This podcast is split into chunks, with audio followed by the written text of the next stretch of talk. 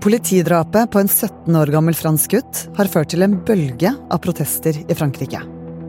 Busser og biler står i brann, bygninger blir vandalisert, og over 1000 demonstranter er arrestert.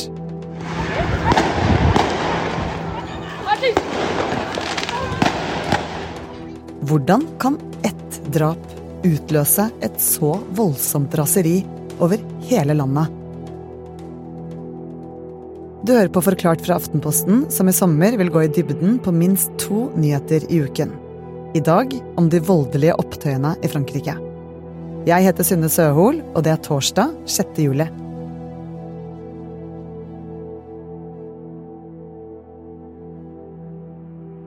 Natt til tirsdag forrige uke så holdt politiet en trafikkontroll i en av Paris sine forsteder som heter Nanterre. Og i en av bilene så satt det en 17 år gammel gutt som het Nael. Eh, og han hadde ikke førerkort fordi han er ikke gammel nok til å kjøre bil, eh, for man må eh, være 18 år i Frankrike som her i Norge. Og han stoppa ikke for kontroll. Rakel Haugenstrand, du er europakorrespondent i Aftenposten. Hva var det som skjedde da han ikke stoppet? Eh, de To politimennene kjører etter ham på motorsykkel, eh, og de har på sirene. Eh, til slutt så tar de han igjen på rødt lys. Politiet ber Nail om å stoppe, men bilen bare fortsatte å kjøre. Og et par minutter seinere så havna Nail i ganske tett trafikk. Og politibetjentene hopper av eh, motorsyklene sine, de trekker våpen, og så går de bort til bilen. Og ifølge politimannen så kjørte 17-åringen inn i deg, og pga. det så løsna han skuddet som tar livet av sjåføren. Men så dukket det opp en video på Twitter, og den viser noe ganske annet enn det de franske politifolkene hadde forklart. To politimenn står på førersida av en gul bil, eh, og det er ingen av de som står foran bilen. Eh, den ene lener seg inn gjennom vinduet og ber Nael om å skru av motoren. Den andre lener seg sidelengs over frontruta og sikter med et våpen på sjåføren. Bilen begynner å kjøre, og så Politiet skyter Nael på kloss hold gjennom ruten. Dette har fått det til å koke over for franskmenn.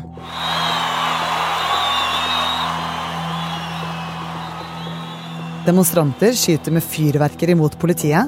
De tenner på skoler, rådhus, biler og søppelkasser. Og i helgen som var, så kjørte noen en bil inn i huset til ordføreren i en av Paris sine forsteder. Og tente på bilen. Det førte til at både kona hans og et av barna ble skadet. Protestene har spredd seg til hele landet, og egentlig òg utenfor landets grenser, til både Sveits og Brussel. De unge. Gjennomsnittsalderen på de arresterte er 17 år, og det er meldt om deltakere helt ned i 12-årsalderen. Drapet på Nael var kanskje den siste dråpen som fikk det til å renne over for mange franskmenn. For nå har et eldgammelt problem igjen blusset opp. Frankrikes klasseskille.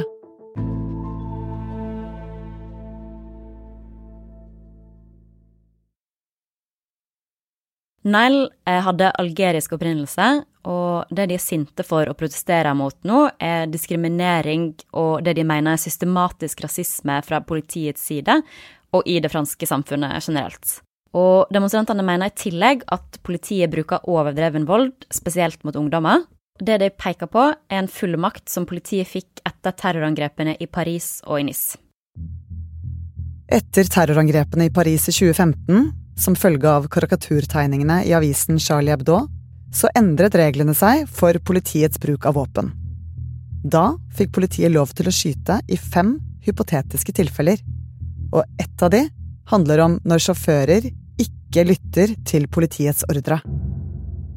Det har ført til eh, dramatisk økning i dødelige skuddvekslinger fra politiet. For dette er det tredje politidrapet som har skjedd i sammenheng med trafikkontroller i år. Størsteparten av ofrene siden 2017 har enten vært svarte eller arabisk eh, opphav, ifølge Reuters. Frankrikes problemer i dag er ikke noe nytt, for klasseskillet i landet stammer helt fra 1700-tallet og preger fortsatt det franske samfunnet. Her er det skille mellom rikingene i øvre klasse, de med høyere utdannelse i middelklassen og arbeiderklassen med lavtlønnede yrker. Og nå protesterer de mot hvordan politiet behandler arbeiderklassen. Noen snakker om en amerikanisering av fransk politi. Den franske avisa Le Monde skrev på lederplass at hendelsen i Frankrike minner om drapet på George Floyd.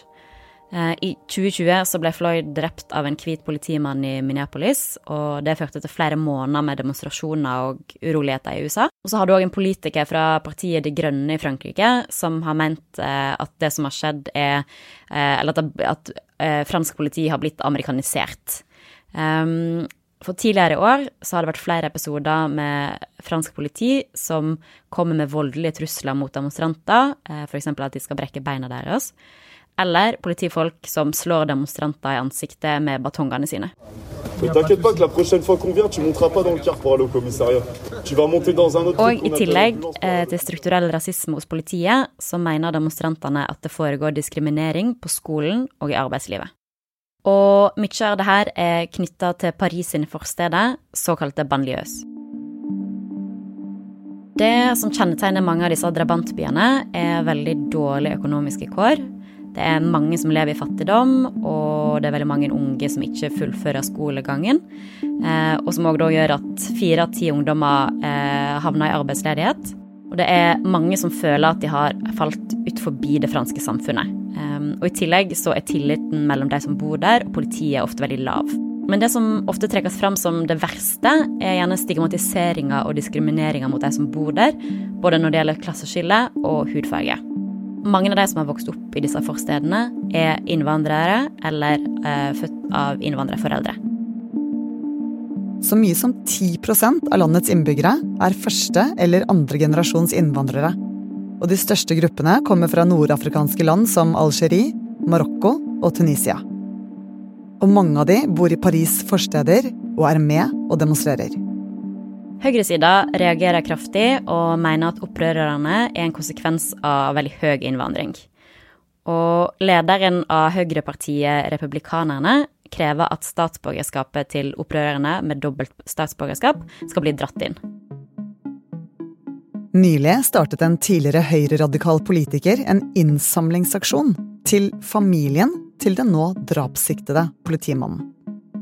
Rundt 20 millioner kroner er nå samlet inn. Altså, Høyresida har forsøkt å utnytte situasjonen nå, eh, særlig med å fronte sine fanesaker som strengere innvandring og strengere lov og orden, altså styrking av politiets rettigheter. Og det som òg er litt spesielt, er at andre europeiske ytre høyre-politikere har slengt seg på og har brukt opptøyene i Frankrike til å fremme saken om strengere innvandringspolitikk i sine egne land òg. Det er en kjent sak. Franskmenn elsker å protestere. De streiker, roper, går ut i gatene og brenner ting. Under den franske revolusjonen hadde de røde luer, og i 2018 gule vester. De demonstrerer mot urettferdighet, dyr bensin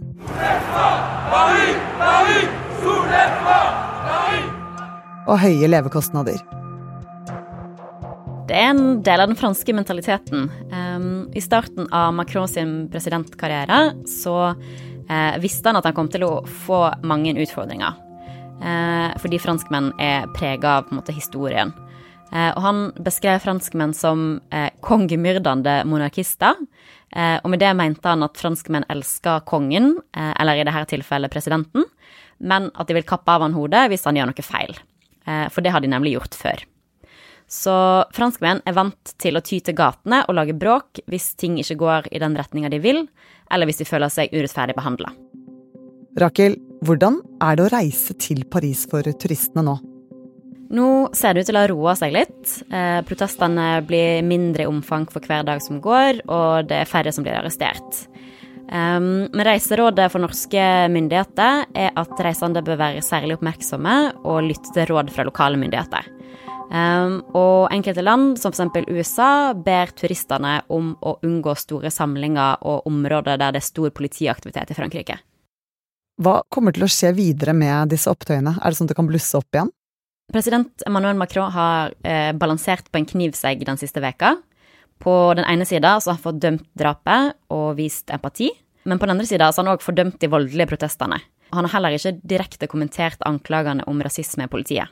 Han har òg bedt foreldrene passe på barna sine, eh, og har lagt deler av skylden på sosiale medier og videospill, som han mener har spilt en viktig rolle i opprøret. Snapchat, TikTok et, et plusieurs autres. À la fois euh, Nylig så sa han òg at det ikke er uaktuelt å stenge ned sosiale medier hvis det blir flere voldelige protester. Macron sier nå at de skal, eller må se på de underliggende problemene, eh, altså sosiale forskjeller, som har ført eh, til de voldelige opptøyene. Så på spørsmålet ditt om det blusser opp igjen, så ja, det kan hende. Den store testen blir 14. juli, altså nasjonaldagen til Frankrike. For da er folk ute i gatene og feirer. Eh, og da kan opptøyene ta seg opp igjen.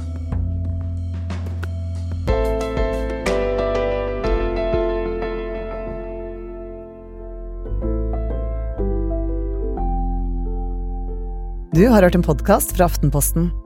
Det var Rakel Haugenstrand som forklarte deg opptøyene i Frankrike. Denne episoden er laget av produsentene Jenny Førland, Olav Eggesvik og meg, Synne Søhol. Resten av Forklart er Anders Weberg. Lyden du hørte, er hentet fra nyhetsbyrået AP.